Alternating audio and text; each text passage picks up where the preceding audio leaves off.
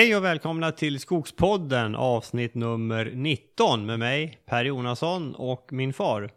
Bo Jonasson. Jaha Bosse, idag eh, ska vi prata om eh, framtidsskogen. Ja, ska vi göra. Och det gäller i huvudsak eh, skogen på Gusselborg i Lindebergslag. Just det, vi, förra eh, poddavsnittet då pratade vi om skogens mål. Så det här blir ju, ser jag det som en, en, en fortsättning på det. När vi pratar framtidsskogen, det är lite grann hur, hur bedriver vi vår skogsskötsel med tanke på hur vi vill forma den framtida skogen. Så det är ju också ett sorts målarbete. Ja visst, det här är ju vägen fram till målet. Och vi börjar ganska långt tillbaka i tiden. Ja, hur många år kommer vi att prata, passera förbi idag? Vi kommer totalt att prata om 60 år bakåt och 30 år framåt. Så mm. att det blir 90 år på 45 minuter. Så häng med här. Ja, två år i minuten, det kommer att gå undan. Ja. Innan vi gör det Bosse så ska vi eh, slå ett slag för vår eh, sponsor för det här avsnittet, vilket är Skogsnäringsveckan. Skogsnäringsveckan är ett eh, arrangemang som skogsindustrierna, Föreningen Skogen och Dagens Industri anordnar. Den här går av stapeln 24-25 april. Och den 25 april är det något som heter Bioekonomiskt forum. Där kommer vi vara med. Eh, och det här låter väldigt spännande tycker vi, för det kommer att handla om innovation och träbyggnad. Mm. Ett späckat program där på tisdagen den 25 april, fullt med intressanta talare som kommer dit och eh, Karl XVI Gustav, vår kung, kommer att vara där och dela ut ett pris också. Och sen blir det mycket om innovation och träbyggnad. Se till och kika in på det där om det kan vara något för er. Eh, man hittar hela programmet och anmälan på skogsindustrierna.se. Ja. Bra. Eh, och något mer innan vi startar Bosse? Vi pratar ju om det här med eh, vår exkursion på, eh, i Vassemåla. Ja, ska vi inte dra det lite kort? Vi gör det. Eh, det är alltså Eh, nu ska vi se. Det är lördagen den 6 eh, maj. Har ja. vi planerat den till. Och då har vi sagt att vi, exkursionen pågår ungefär mellan 10 till 14. Så vi samlas en eh, kvart över nio vid eh, i Vassemåla vid vår gård där då som är högst upp i byn Vassemåla. Det här hittar ni på kartorna. Det är ju 10 kilometer utanför Vimmerby mot Tuna till kan man säga. Vad kommer vi att titta på i skogen Bosse? Eh, skogsförnyelse under hårt betestryck. Ja. Eh, vi kombinerar där eh, sådd och plantering. Mm. Och det här blir lite extra spännande för oss för att nu har vi inte varit nere sedan i höstas. Så det kan ha hänt mycket ja. i, vår, eh, i den, just den här föryngringen. Älgarna kan ha ätit sig mätta många gånger där. Eh, det blir väldigt spännande. Det har de antagligen gjort. Nu var vi ju på och uh, vilt behandlade det här i, i höstas där då, men uh, det blir intressant. Ja, så vi kommer att titta på hur vi sår tall och planterar gran egentligen. Ja. Och sen kommer vi även titta på det här med alltså den här produktionen av viltfoder som vi brukar prata om också. Ja. Mm. Och lite grann det här med röjning och, och, eh, gallringen tycker jag vi ska titta på också. Hur, alltså den här, när vi stämplar en gallring, hur du resonerar, hur, vilka träd ska sparas, vilka ska vi gallra bort? Eh, vi, vi märker ju alla gallringar så tillvida att när skördarföraren kommer dit så är alla träd som ska bort de är färgmärkta. Mm. Vägarna är dragna. Det här är ett förhållandevis stort jobb men vi tycker att det är värt besväret. Ja, precis. Det är ett stort jobb men det är inte så jättesvårt egentligen. Nej, det är första gallringen kräver ju en del. Ja. Men eh, andra gallringen, då, då, då går det lätt. Ja, Vägarna är klara och Mm. stamvalen är ganska naturliga Mm. många gånger. Nej, det är ju, ja, vägdragningen kanske är lite extra. Men Mm. man vinner ju mycket på det. Nej, men nu ska vi inte gå händelserna i förväg. Det här ska vi ju kika på då. Så om ni är intresserade av att vara med, eh, skicka ett mail till skogspodden gmail.com där ni skriver eh, namn och mobilnummer och gärna varifrån ni kommer. Det kan vara intressant så vi får en, en geografisk eh, eh, ja, eh, referens. Det kan vara intressant. För jag menar, nu, det här är ju meningen också att det ska bli en diskussion naturligtvis. Det är ju inte bara Bosse som ska prata utan vi vill ju ha input ifrån er som deltar också. Ja, Och det där kommer att ligga ute på hemsidan. Ja, jag skriver några rader om det här på hemsidan så har ni allt det här. Eh, ja, Nej, men jag skriver detaljerna där helt enkelt. Mm. Keep it simple. Mm. Bra, innan vi drar igång Bosse, jag skulle kunna nämna lite grann vad jag har varit med om i veckan. Eh, två kul grejer. Eh, I måndags var jag på Holmens årsstämma.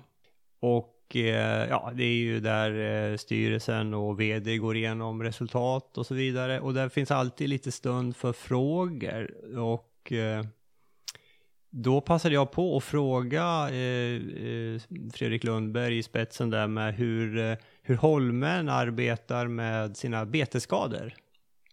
Ganska nyligen så kom ju Södra och Göran Ölander ut här att betes, eh, betningen, vildbetningen kostar cirka en miljard kronor i Götaland. Så min fråga var egentligen hur hanterar Holmen det här på sina skogar? För de är ju de är ju väldigt stora skogsägare. De har ju över en miljon hektar skog. Det är väl bara SCA som har eh, större tror jag. I Sverige. Ja, Sveaskog också. Sveaskog Ja, de har det större. ja. Ja. Men privata. Nej, men det var ju... Eh, jag pratade ju med alltså Henrik Sjölund eh, som är Holmens VD svarade ju att det här är ju någonting som de jobbar med och jag tror han nämnde siffran att det kostar dem en uppskattningsvis runt 100 miljoner kronor. Jag vet inte, men eh, ja, det var i varje fall en fråga de hade på bordet och till och med vid någon exkursion som de hade haft i sin skog så hade de tittat på det här med betesskador. Så, så eh, ja, styrelsen var också informerad om det här. Så Mm. det är väl positivt. Och, och eh, efter, efter stämman så pratade jag också med, med Sören Pettersson som är vd på Holmen Skog och eh, han sa att det här var ju naturligtvis högt upp på deras agenda. Så det får man ju säga är positivt att de tar det på allvar. Mm.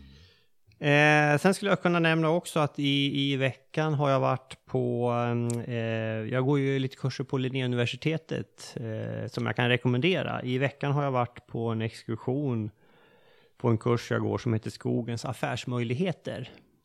Där vi under två dagar har träffat många spännande entreprenörer inom skogsnäringen. För man kan ju göra så mycket mer än att bara odla timmer och massaved. Och det fick vi exempel på här. Alltså vi pratar naturturismen, eh, upplevelser. Eh, vi har ju också det här med att utnyttja trä för, för möbeltillverkning och, och inredning och sånt här. Om man kan hitta någon nisch där så, så kan det bli ganska spännande produkter. Såg många exempel på. Ja, sen finns det ju naturligtvis det här med jul, julgransodling, man kan ha odla kräfter, bjuda in eh, och sälja då, upp, upplevelseturismen helt enkelt. Så det finns ju massor med spännande grejer här. Så det här, eh, tycker ni sånt här är intressant så jag rekommenderar verkligen att, att delta i en sån här kurs då. Finns ju andra men Linnéuniversitetet har många som man kan läsa på distans som är, eh, ja de är väldigt bra. Bra lärare, engagerade lärare och ja, kika in på det om det, om det är något för er. Den här heter Skogens affärsmöjligheter. Det här är ju positivt för landsbygden överhuvudtaget. Skapa arbetstillfällen och aktiviteter. Ja, ja men absolut. Det, det, det är jättebra. Mycket positivt. Bra. Eh, det var det. Hade du någonting annat Bosse innan vi hoppar in på dagens avsnitt? Nej, jag, jag har ingenting. Ja, Nej men låt oss kika på framtidsskogen. Då börjar vi med att titta bakåt. Ja. Ja.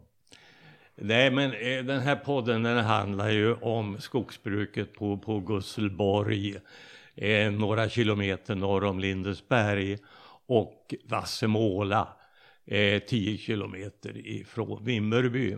Eh, det vi pratar om, det jag kommer att prata om nu i första hand, det, det är Gusselborg och skogen som den såg ut när familjen köpte den 1958.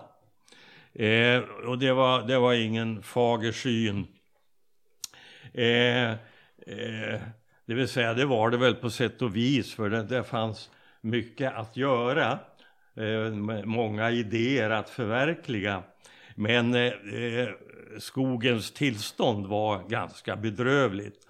Eh, det var så här att det genomsnittliga virkesförrådet på fastigheten det var någonstans mellan 60 och 80 M3SK per hektar. Mm. Eh, och där fanns eh, bland annat ett ganska stort område centralt i skogen eh, där man hade slutavverkat 1918, 1919. Mm. Det var alltså i övergången eh, till fred efter, efter första världskriget. Och jag tror att det var så här att skogen var då förhållandevis välbetald. Råvaror var överhuvudtaget välbetalda. För sen kom en ekonomisk krasch på 1920-talet mm. med fallande värden. Det var deflation. Eh, under en stor del av 20-talet. Och, och eh, det var eh, träpatronerna, de gjorde konkurs. Mm. Ja. Eh, bland annat en, rakt, en släkting i rakt nedstigande led till mig. Men i alla fall, på Gusselborg så passade man på då eh, i sista skedet av det här eh, höga efterfrågan eh, att, att avverka ett stort område. Mm. Eh, och sen gjorde man ingenting, det vill säga man ställde nog enstaka frötallar. Men sedan gick åren, så 1958 så var det ett ganska stort område som inte hade blivit skog av. Mm. Eh, naturen hade inte rått på den vegetation som var.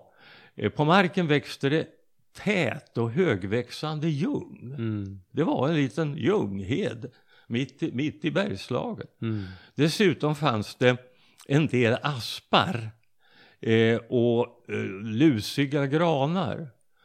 Eh, och vi satte omedelbart efter vi hade köpt det här igång och restaurerade det här och högg ner det som hade något värde och som inte skulle vara där fortsättningsvis.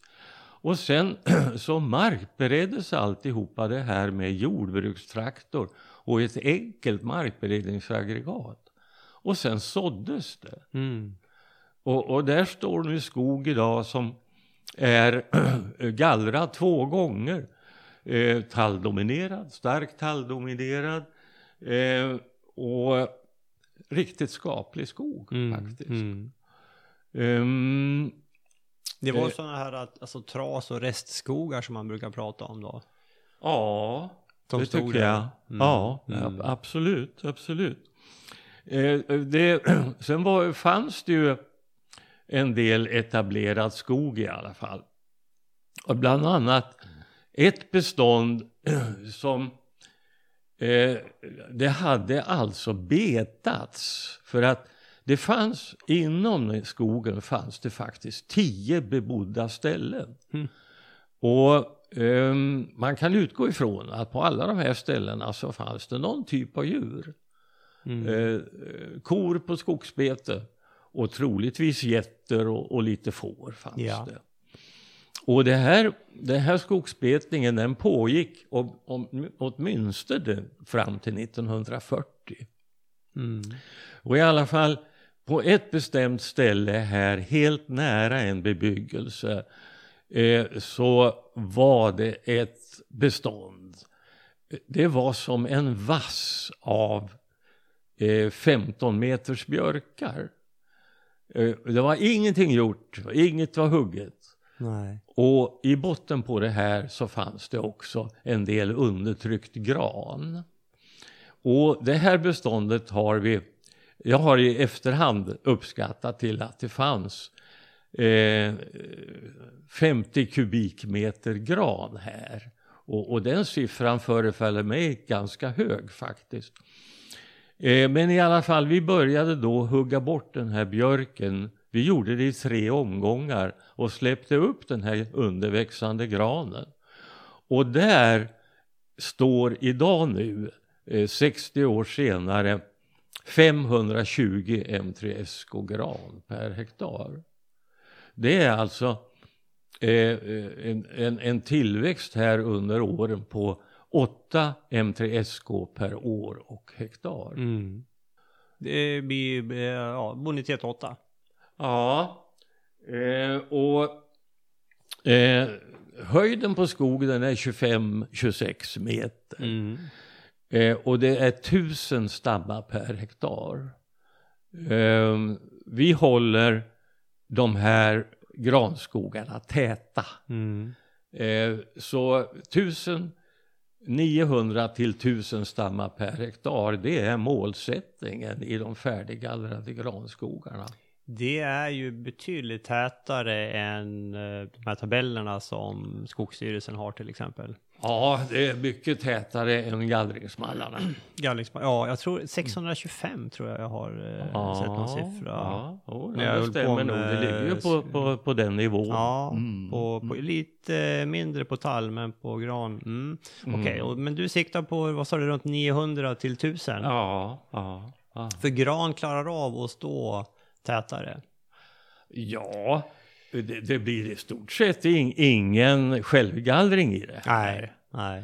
Eh, vi, vi har ju åkerplanteringar ifrån eh, 1962-63 Mm. eh, som står och det är eh, hela den arealen ehm, det är ungefär 18 hektar sammanhängande sån skog.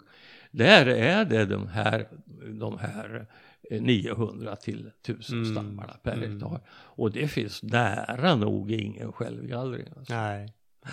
Nej, men vad kan man tänka sig, jag menar om det står så tätt, det kanske växer lite långsammare, men eh, då blir ju trädet starkare. Ja, och den totala produktionen sjunker ju inte. Nej. Utan det den blir ju istället så att tillväxten blir ju fördelad på fler stammar. Mm. Mm. Ja, Mm. eh, Ja, men det är en imponerande utveckling. ja, och det är, det är faktiskt väldigt tillfredsställande att kunna konstatera det. Det här går ju att göra en efterkalkyl på det här. Ja, ja. Jag tog ju, vi var ju förbi där igår, jag tog ju någon bild där som jag ska lägga upp på hemsidan. Ja, ja, ja. Mm. Eh, I övrigt så hände med, eh, med Gusselborgsskogen att det var så lyckosamt så att det kunde göras tillköp som låg i gräns med det ursprungliga skogsskiftet. Mm. Så totalt är det fråga om 11 tillköp som nu bildar en eh, prydlig rektangel eh, på eh, i alla fall 320-330 hektar. Mm. Och det senaste tillköpet gjordes för mindre än två år sedan. Ja. Mm, mm, mm, mm. Ja, det är ju skojigt. Ehm, vi ska säga det att, att eh, skogen sköttes eh, intensivt eh, med start ungefär 1960 och framöver.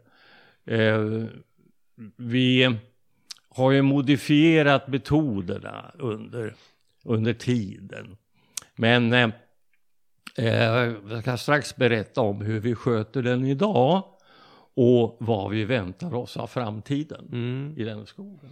För det här, eh, alltså då min farfar Jonas köpte den 1958 och du gick ut i Skogis 1959.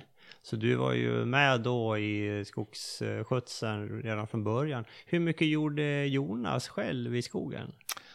Ja, eh, fysiskt gjorde han inte mycket. Eh, det, det räckte inte orken till. Nej. Eh, han hade ett hårt arbetsliv bakom sig. Eh, men han var lidelsefullt intresserad. Mm. Mm. Eh, och ja, visst. Eh, alltså den fysiska ansträngningen den fick andra stå för. Ja, ja, men han, han var med ändå. Ja, mm. ja, ja, ja. Mm. ja. ja. Och hur gör vi idag då för att, för att forma skogen som vi vill ha den? Ja. för det här är, en, det här är en lång, långsiktig process naturligtvis. Ja, ja just det. Ja, just det. Nej, men eh, vi sköter skogen intensivt och det, det vi gör eh, det vi gör bland annat är att vi producerar alldeles ovanligt mycket viltfoder. Mm. Eh, det börjar med att, att vi anlägger eh, täta och individrika och artrika plantskogar. Mm. Eh, och eh, sen röjer vi det här försiktigt med tanke på det att under den här plant och ungskogsstadiet så ska det produceras viltfoder. Älgen ska aldrig ha långt till maten. Nej. Han ska inte behöva gå omkring i granskog och leta något ätbart för att komma fram till en tallbestånd och beta ner det. Mm. Utan det ska finnas mat överallt. Mm. Vi undviker i det längsta att anlägga ren granskog. Utan eh, det är självklart att vi utnyttjar alla möjligheter till självföryngring som finns. Ja. Eh, och sen eh, eh, alternativ nummer två när det gäller beskogning. Det är frösådd. Mm. Eh, med eh, huvudsakligen tall, med, också med lite gran. Mm. För vi vill inte heller ha några helt rena tallskogar utan ett träslag till vill vi ha. Eh, och sen har vi de mellangoda markerna. Där kombinerar vi eh, plantering av gran med sådd av tall. Mm. Sådd av tall mellan granplantorna. Man kan också tänka sig andra mönster, att vi tar, vi planterar kanske två rader gran och sen sår vi en rad tall däremellan. Mm. Mm. Um, ja, I allra första hand ska vi ju säga att varje hygge där separerar vi ju tall också med tanke på bördighetsskillnader som finns. Ja. Så finns det en torr kulle så, så, så blir det ju så att där blir det ju sådd av tall då. Och ja. sen är sluttningarna ner på sidorna så kan det bli gran. Mm. Det här kommer vi att se på den här Vassemåla-exkursionen. Mm. Där vi verkligen har en mosaik av tall och gran efter det där, det där mönstret. Mm. Mm. Utnyttjar eh, markens terroir. Ja. För att prata vinspråk. Ja. Ja. Mm.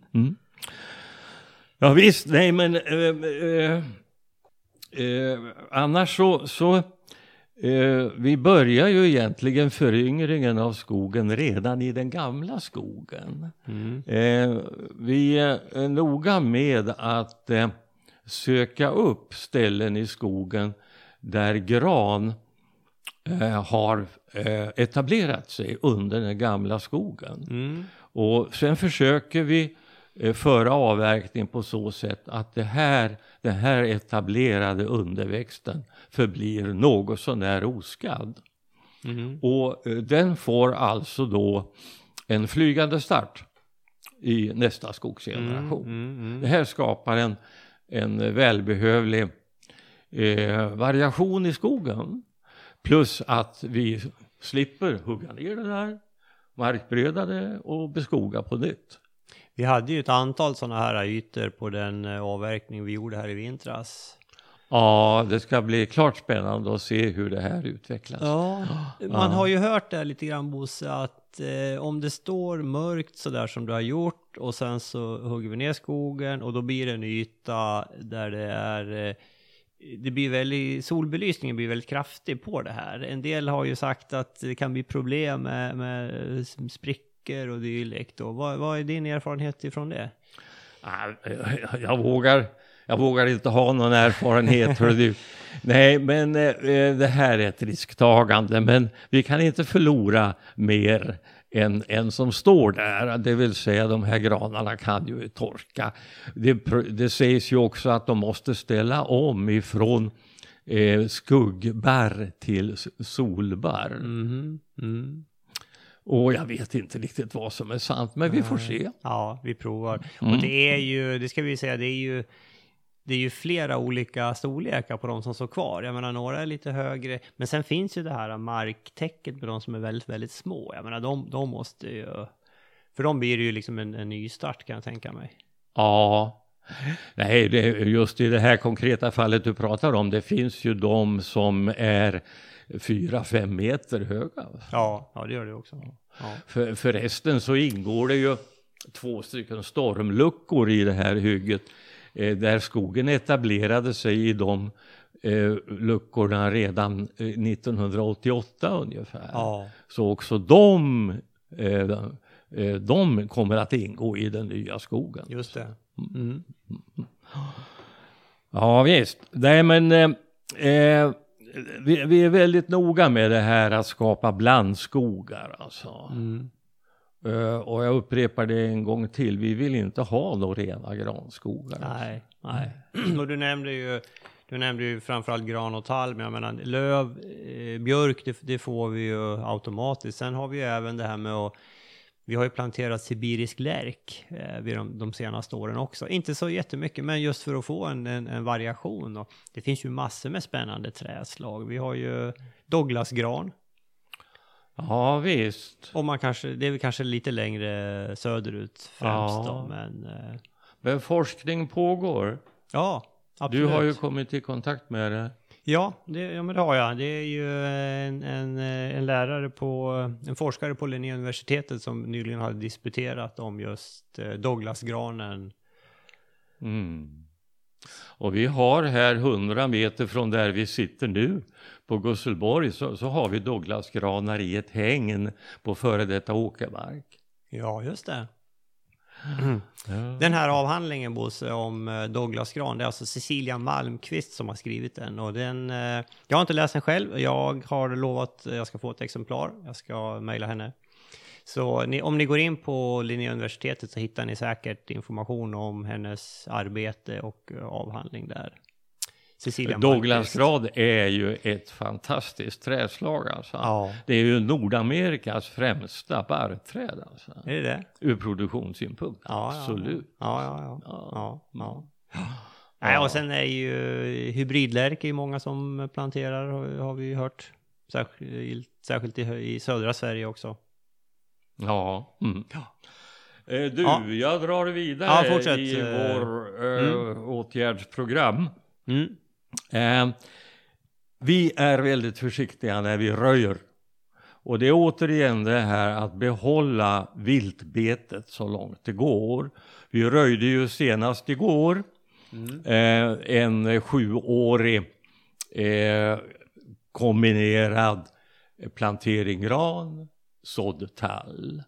Där hade eh, framförallt då eh, björken skjutit i höjden och plågade eh, toppskotten på både tallar och granar. Eh, och där röjde vi och kvar eh, efter den röjningen så står det ganska mycket löv, dock inga dominerande stammar. Eh, de största är borttagna. Men där står nu en blandning av eh, tall och gran förstås, eh, björk och sälj och rönn. Mm. Sälj och rönn i stora mängder faktiskt. Ja. Mm. Eh, så att eh, där kan älgen äta sig mätt under lång tid framöver. Ja.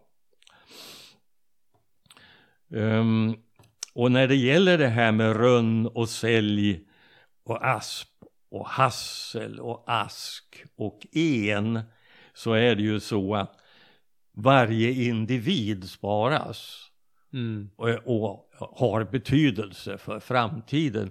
Alltså inte bara att den producerar eh, eh, viltfoder under sin le levnad utan den sprider ju arten vidare framåt. Ja. Eh, ek och rönn har vi sått och vi har till och med sått mjölkört, Mm. alltså rallarros Ja. på hyggen. Ja. Eh, rallarros var ju en dominerande hyggesväxt i stora delar av Sverige. Eh, långt fram i tiden, fram till 70-talet. Och sen betades den mer eller mindre bort. Mm. Och det går att så den. Mm. Ehm, sen är vi noga med att eh, eh, sprida så lite rotröta som möjligt i granen. Mm. Ehm, vi är inte inne och gallrar i granen, allra minst sommartid. Överhuvudtaget när det gäller gallring i gran, den ska vara avklarad vid 55 års ålder. Sen ska man inte hugga i granen mer. Nej. Nej. Där är ju, och det har vi ju pratat om tidigare, alla åtgärder görs när det är kallt och måste man göra någonting när det är varmt då, då får man rotbehandla. Ja men visst. Och där, jag menar det såg vi ju vid avverkningen i vintras, väldigt lite röta i granen. Ja det är märkligt faktiskt. Eh, I det för våra förhållanden ganska stora hygge vi tog så var det alltså en procent bränsleved. Mm. Och brän, eh, andelen bränsleved är ju ett mått på hur mycket röta det var i granen. Ja, och då var det ju eh, ganska mycket gran i det här. Ja, det var ju helt grandominerat alltså. Ja, ja i norra änden var det mycket tall. Ja, ja men... eh, Totalt sett. Totalt sett, ja. Mm. ja. visst, ja visst. Mm. Mm, nej men vi gör andra grejer också med hålträd och naturvärdesträd, torrträd och högstubbar ställer vi. Mm. Mm, vi är uh, följsamma när det gäller de här tongångarna i, i skogsbruket. Absolut. Dessutom stamkvistar vi för att producera tall, Ja. kvalitetstall. Eh, vi tycker inte egentligen att stamkvistning är det nödvändigaste åtgärden. För i första hand gäller det att producera raka träd. Mm. Rakheten, det är det främsta kvalitetskriteriet. Men eh, har man tid och lust eh, så eh, lovar jag att stamkvistning kan vara en, ett väldigt fint jobb för eh, den som vill jobba i skogen utan att förta sig. För det, det, ja, man kan jobba under ganska avspända förhållanden. Mm.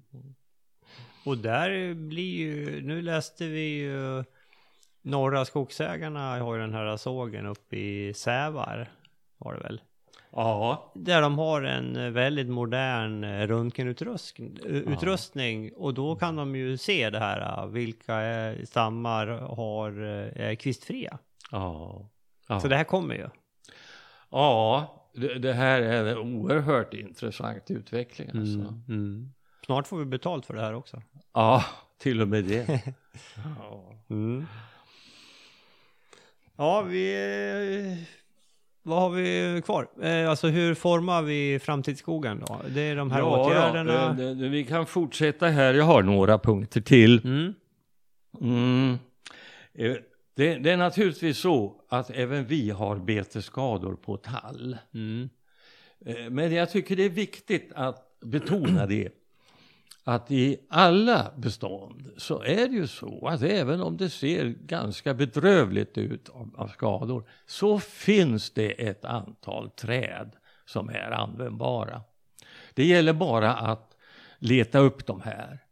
Och våra röjningar och stamkvistningar det består i stor utsträckning av att just söka upp de användbara träden. De som är raka och oskadade. Eh, vi tolererar småskador basalt, alltså närmast marken. Eh, jag brukar räkna med att upp till 70 centimeter så, ö, över mark så får det vara lite skador. Och det är väldigt ofta just skador, betesskador, till och med fejningsskador där nere som man kan tolerera. Mm. när man vet att ovanför den här 70 centimetrarna så är det ett bra träd. Men hur tänker du då? Jag menar, de här 70 centimetrarna, de kommer ju med automatiskt i första stocken och är det för stort fel, ja då, då klassas det ju ner. Om man inte gör, eh, om man inte tar snittet ovanför då? Man får greja det här på något vis alltså. Ja. Eh, att, jag, att jag har den här toleransen det är det att det, annars kanske det inte blir någon timmerträd alls att Mm. producera i just Mm. det här beståndet. Mm. För att alltså, jag har exempel här där vi har alltså sökt upp de finaste träden, de blivande huvudstammarna i beståndet. Och så konstaterar vi det att jag har ett exempel där 34 procent av de bästa träden var oskadda av Mm. betning. Ja. De andra, 66, var allihopa mer eller mindre skadade. Mhm. Och det finns mängder av tallskog i Sverige som, som, där det är på det viset. Mm. Alltså. Och det här är, ska jag säga, ändå skogar som vid en hastigt blick verkar skapliga. Mm. Och det är ju det är ju därför det är så viktigt att få upp det här stora antalet planter som, som man får vid sådd. Mm. Då Mm. finns det ju alltid några som Ja. klarar sig. Vi har ju en, en granne här eh, där man har planterat tall med två meters lucka. Och där är ju varenda tall är ju bet, kraftigt betad. Ja, visst, de är, de är nertoppade. Det, det blir ingenting av dem. Nej, jag förstår inte hur det ska kunna bli timmertallar av dem. Nej. Nej. Nej. Så upp med en 8-10 tusen planter per hektar. Ja, ja. Och sådden är en, en utmärkt metod. Vi kommer att eh, i, i fortsättningen prata mer om sådd därför att våra erfarenheter är så positiva. Alltså. Såddpodden. Såddpodden kommer. Ja, jag har två andra bestånd här i mina anteckningar. Där det också är mellan 60 och 70 procent av huvudstammarna som har någon typ av tidig betesskada. Mm. Men som ändå kommer att bli bra, Ja. bra timmerträd. Mm. Jag, jag kan också skicka med den erfarenheten att att eh, om, man går, om man går som skogsägare och tittar på sina betesskador så kan man tycka att, att det är förfärligt. Men titta noga, för rätt som det är så kanske man kommer till ett ställe i beståndet där det inte är några skador alls. Nej. Det kan vara så. Mm. Det, det, det har hänt ofta. Eh, man lär sig var, talla, var älgarna står någonstans. Mm. Och de står ju väldigt gärna och äter på en höjd i terrängen. Ja. Där känner de sig trygga. Mm. Mm. Och eh, däremellan i en sänka så kanske det inte är några betesskador alls. Nej. Nej. Eh, om man verkligen ska ha reda på hur mycket skadat en skog är så antingen ska man eh, gå och jobba i den, alltså röja i den. Mm. För då lär man sig verkligen i detalj hur det är ställt. Eller också ska man lägga ut systematiska provytor. Ja. Att bara gå och, och titta och skaffa sig, tro sig ha en överblick, det kan vara faktiskt eh, vilseledande. Mm. Mm. Mm. Eh, Så en, en stor del av jobbet när det gäller röjning det är att leta reda på de bra stammarna. Alltså. Mm. Eh, när det gäller röjning eh, så, så vill jag också säga det här att i de här, i våra frösådder och täta naturliga föryngringar så eh, strävar vi efter att göra en rejäl röjning lagom när de här träden gått ur älgsäker, gått upp i älgsäker höjd. Ja. Eh, det, här, det här är absolut en metod som jag vill rekommendera. Eh, ny forskning säger att den tillväxtförlust man gör på grund av en sen röjning, den är försumbar. Mm. Eh, Så vi har gjort här nu på senare tid två ganska rejäla röjningar som eh, handlar just om eh, röjning vid älgsäker höjd. Och det känns så bra att veta det, att de där stammarna som man då bygger framtiden på, de kommer inte att älgskadas. Alltså. Nej. Och älgsäker höjd, då, det är ju, då brukar man prata om 4 till 5 meter. Ja, vi, vi, jag räknar med fem. Ja, ja. Och, och det är inte för att älgen når så högt, men den kan ju knäcka dem. eh, Ja. Men passerar man 5 meter så, så gör de inte det längre. Och sen ska man då ha kvar de undertryckta i botten som älgen har lagom i höjd med mulen. Ja. Ja, så kan den fortsätta kalasa på dem. Visst. Ja. Mm, mm. Älgarna är lata de också. Och det vet vi ju också att där är ju, har vi fått lära oss att varje träd alltså smakar annorlunda. Så får den, har ett, ett, en, en tall som är betesskadad kommer älgen gärna tillbaka till. Så ställ kvar dem så forts, for, får den fortsätta äta på samma tall. Mm. Mm. Vi ska också säga det att efter 1988 så har vi inte planterat en enda tall på Gusselborg. Nej. Inte på Vassebola heller tror jag. Nej. Inte vad jag kan erinra mig i alla fall. Nej men eh, erfarenheten är den att eh, tallplanteringar kan gå alldeles förträffligt. Men i de flesta fall så har det bli, inte blivit någon bra kvalitet. Nej. Utan det blir lite, lite grovkvistigt och krokigt. Mm. Det ser man ju ibland, den här krokigheten också. Ja, Mm. men vi har exempel, åtminstone ett par exempel på alldeles fantastiskt fina tallplanteringar. Mm. Mm. Men det är. Rakvuxet, småkvistigt. Mm. Men ändå Bosse, jag vet att din strävan är ju att öka andelen tall i skogen generellt.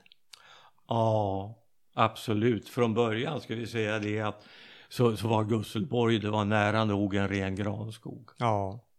Och nu ligger vi på vilka siffror? Ja, för i framtidsskogen så kommer det eh, med, med, om det fortsätter som, som vi gör nu så blir det 70 procent tall. Mm. Eh, vi ska säga en sak som vi gjorde igår. Mm. Då var vi ute och klippte dubbeltoppar Just det. på lärk. Ja, det gjorde vi. Eh, Eh, och en, en, en, det var, tog vi inte lång stund, det var inte så många lärkar heller förstås. Men vi, vi klippte i alla fall bort dubbeltopparna och det mesta av det hade ju uppkommit genom att det var, var, var betesskador. Ehm, och vi hade då eh, en stångsekatör, eh, ungefär en meter lång, så att man når lite grann i höjden. Och det här är eh, ett tacksamt jobb. Mm.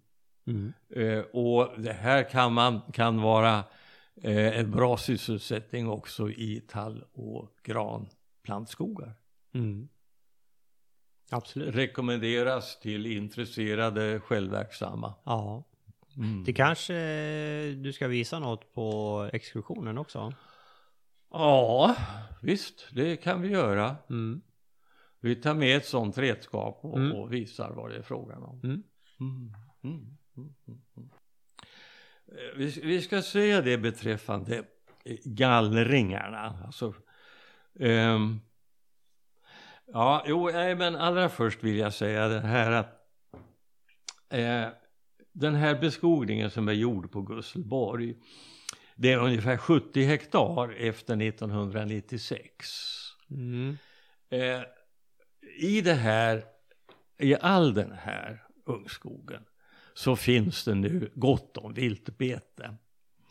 Eh, om vi hade skött det här traditionellt som det, det, det görs numera så hade en mycket stor del av det här hade blivit granskog. Mm. Och där hade, och med, med, med konventionell röjning och sådär, så hade det här, mycket av det här hade redan nu varit ganska mörk granskog Mm. utan någon viltbetesproduktion i.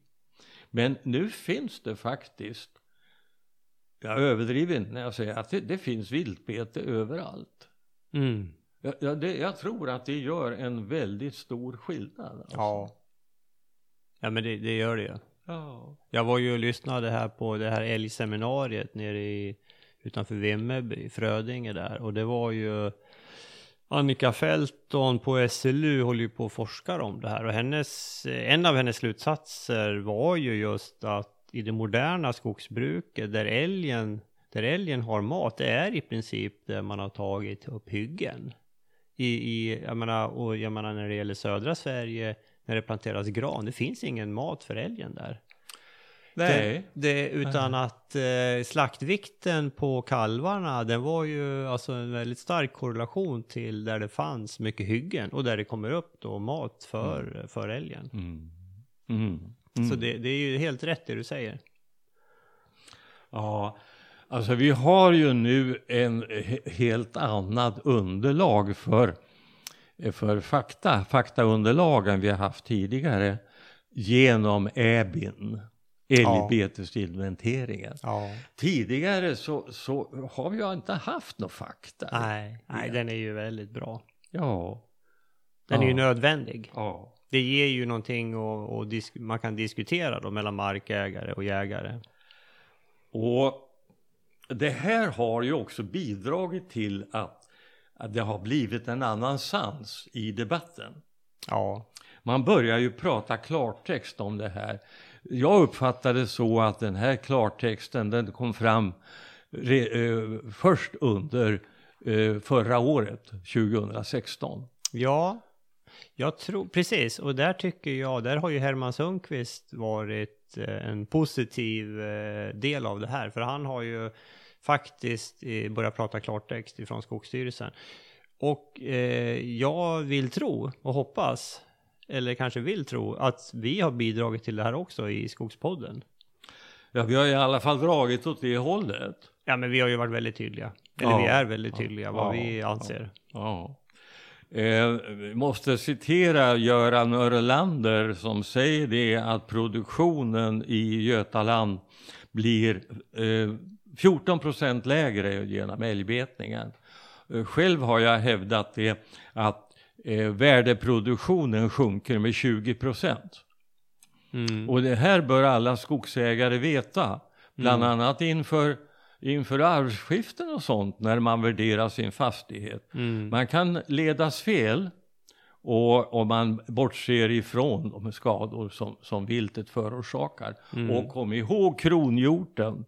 Sä, särskilt alla ni som tänker plantera gran på tallmark.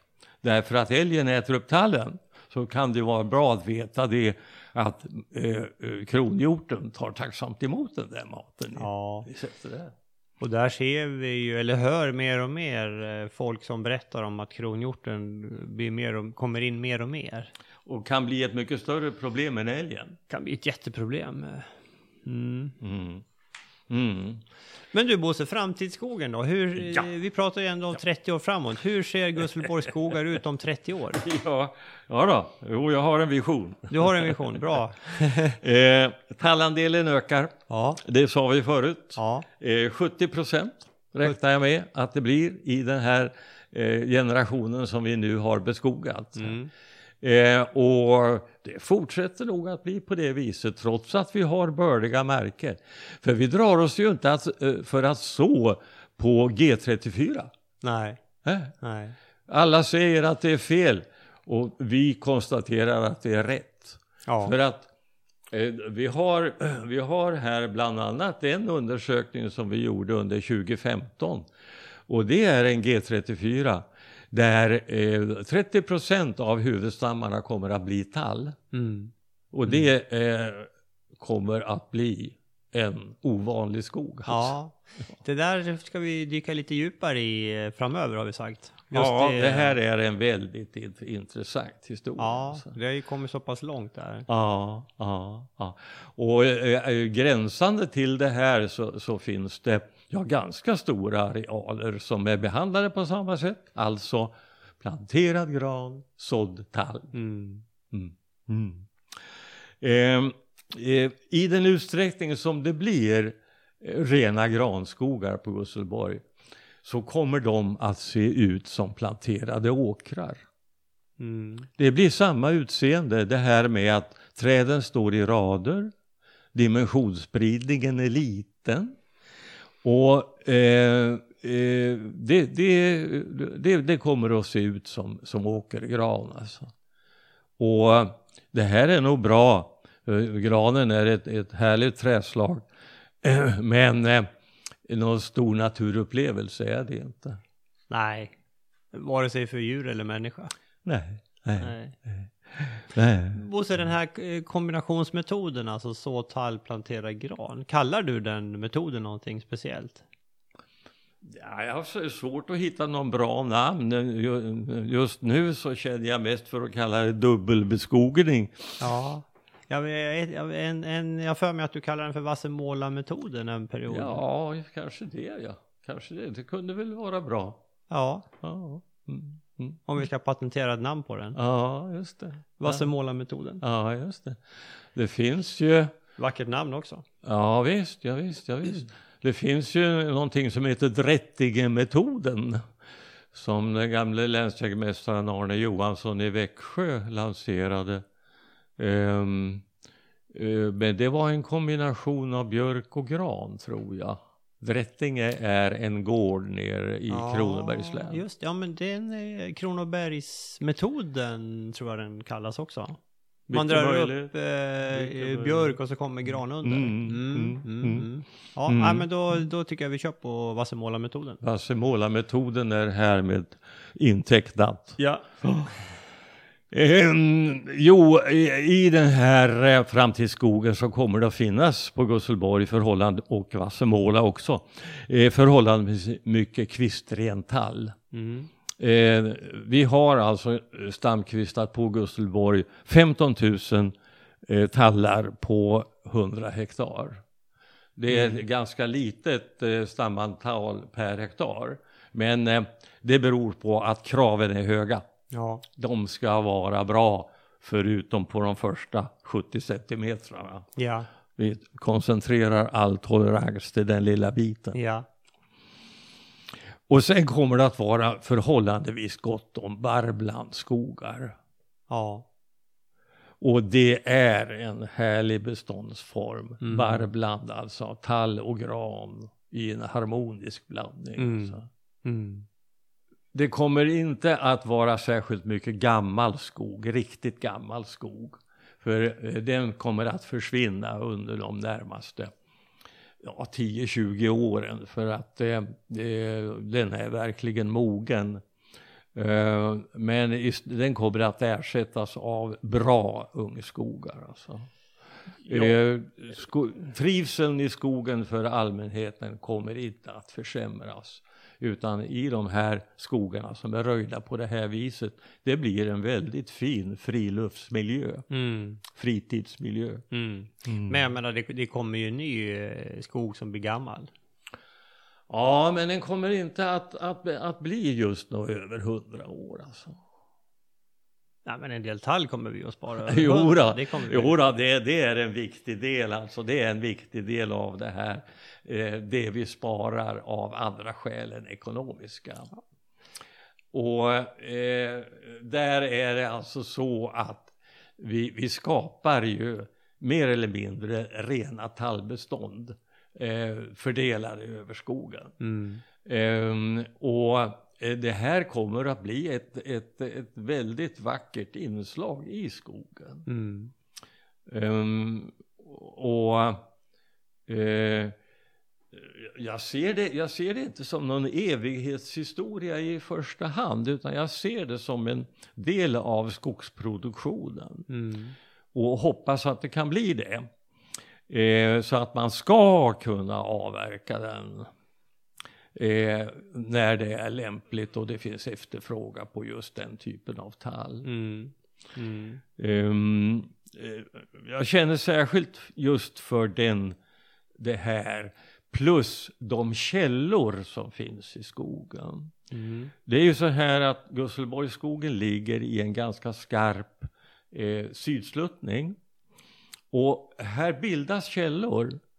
Eh, det är alltså vatten som kommer uppifrån och som då kommer, kommer fram eh, till, till ytan, till jordytan. Mm. Och vi har några källor som jag känner starkt för. Mm. Alltså. Mm.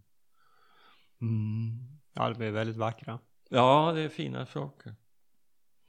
Men när det gäller att se in i framtiden så finns det så mycket oförutsägbara faktorer. Alltså. Mm. Det, det är klimatet, Ja, det vet vi inte mycket om. nej, Älgar och rådjur vet vi inte heller så mycket om. nej. Hjortar och vildsvin, inte heller. Och jägare och rovdjur, oförutsägbara. Och allra mest oförutsägbara är politikerna i Stockholm och i Bryssel. Mm. Allt är gränslöst och gränsöverskridande. Skogens härlighetsvärden får man inte glömma, sa han. Nej. Eh, och jag tycker att det här att göra skogsvården till ett nöje och samtidigt en källa till motion. Mm. Det ska man inte bortse ifrån. Nej. Det kan vara väldigt tillfredsställande att gå till skogs och röja. Mm. Odlarglädjen som alla kan känna. Mm. Från blomodlare i en kruka i fönstret till en skog. Mm. Absolut. Skogens estetiska värden måste vårdas. Ja. Absolut, jätteviktigt alltså. Skapandets tillfredsställelse Mm. Ja, men det är ju... och arbetsglädjen alltså. Ja. Nej, viktiga punkter. ja, ja, ja. Eh, ska jag bara sluta med det där? Mm. Absolut, vi har tid för det också. Mm, mm, mm, mm. Eh, vi, vi strävar efter någonting som vi kallar för kreativt skogsbruk. Man ska inte vara bunden av dogmer och myter Nej. utan eh, tänka själv och, och, eh, och prata med andra och samla erfarenhet. Mm. Eh, och sträva efter ständiga förbättringar. Att dra erfarenhet av eh, alla misstag som man gör. Ehm, och sen eh, här, det här med värdeskapande miljöhänsyn. När nu säger värdeskapande så tänker jag rent ekonomiskt. Det här med eh, allt det här med att, att skapa viltbete, Mm. viltbetesproduktionen. Det är, tycker jag, vår främsta miljöinsats. Mm. Det här är, är eh, så värdefullt eh, och jag tycker att det är mera värdefullt än många av de punkter som finns i certifieringen. Mm. Eh, Men okej för- för certifieringen, inte så att jag kritiserar den, men jag tycker att det här är så viktigt alltså. Mm. Mm. För att eh, i och med att det finns mycket viltbete i de uppväxande plantor och skogar så, så skonas så mycket annat. Ja. Ja men absolut och vi har ju sett hur rönnen eh, håller på att försvinna från vissa områden och det här är ju ett sätt att ge den en chans att komma upp igen. Ja. Mm. Mm. Så är det. Ja. Mm. Bra, det var eh, 90 år på lite drygt 45 minuter. Ja. Mm. Mm. Finns säkert mer att säga om det här också. Ja. Hör av er. Hör av er, hur ser era tankar ut kring eh, framtidsskogen? Hur, hur, eh, hur resonerar ni? Det finns ju andra sätt att göra på, det här är ju vårt sätt. Ja. Eh, var stolt över er skog. Det är viktigt. Ja. Vad bra, jag tror eh, att eh, det där får bli ett, br- ett bra slutord för eh, dagens poddavsnitt. Innan vi slutar också Bosse så ska vi slå ett slag för skogsnäringsveckan som går av stapeln 24 och 25 april i år. Tisdag den 25 april är Bioekonomisk forum. Då är det fokus på innovation och träbyggnad. Eh, kika in på skogsindustrierna.se. Där kan ni läsa mer och anmäla er. Bra, då eh, säger vi så så länge och Eh, glöm inte kika in på vår hemsida skogspodden.se. Där kommer ni kunna läsa om den exkursion i Vassemåla som vi planerar till lördag den 6 maj och hur ni ska anmäla er. Ni kan också följa oss på de här olika sociala medier. Vi är väl mest eh, aktiva på Instagram, och, men vi finns även på Twitter och på Facebook. Och vår hemsida skogspodden.se. Tack för att ni har lyssnat så hörs vi snart igen. Tack från dig också.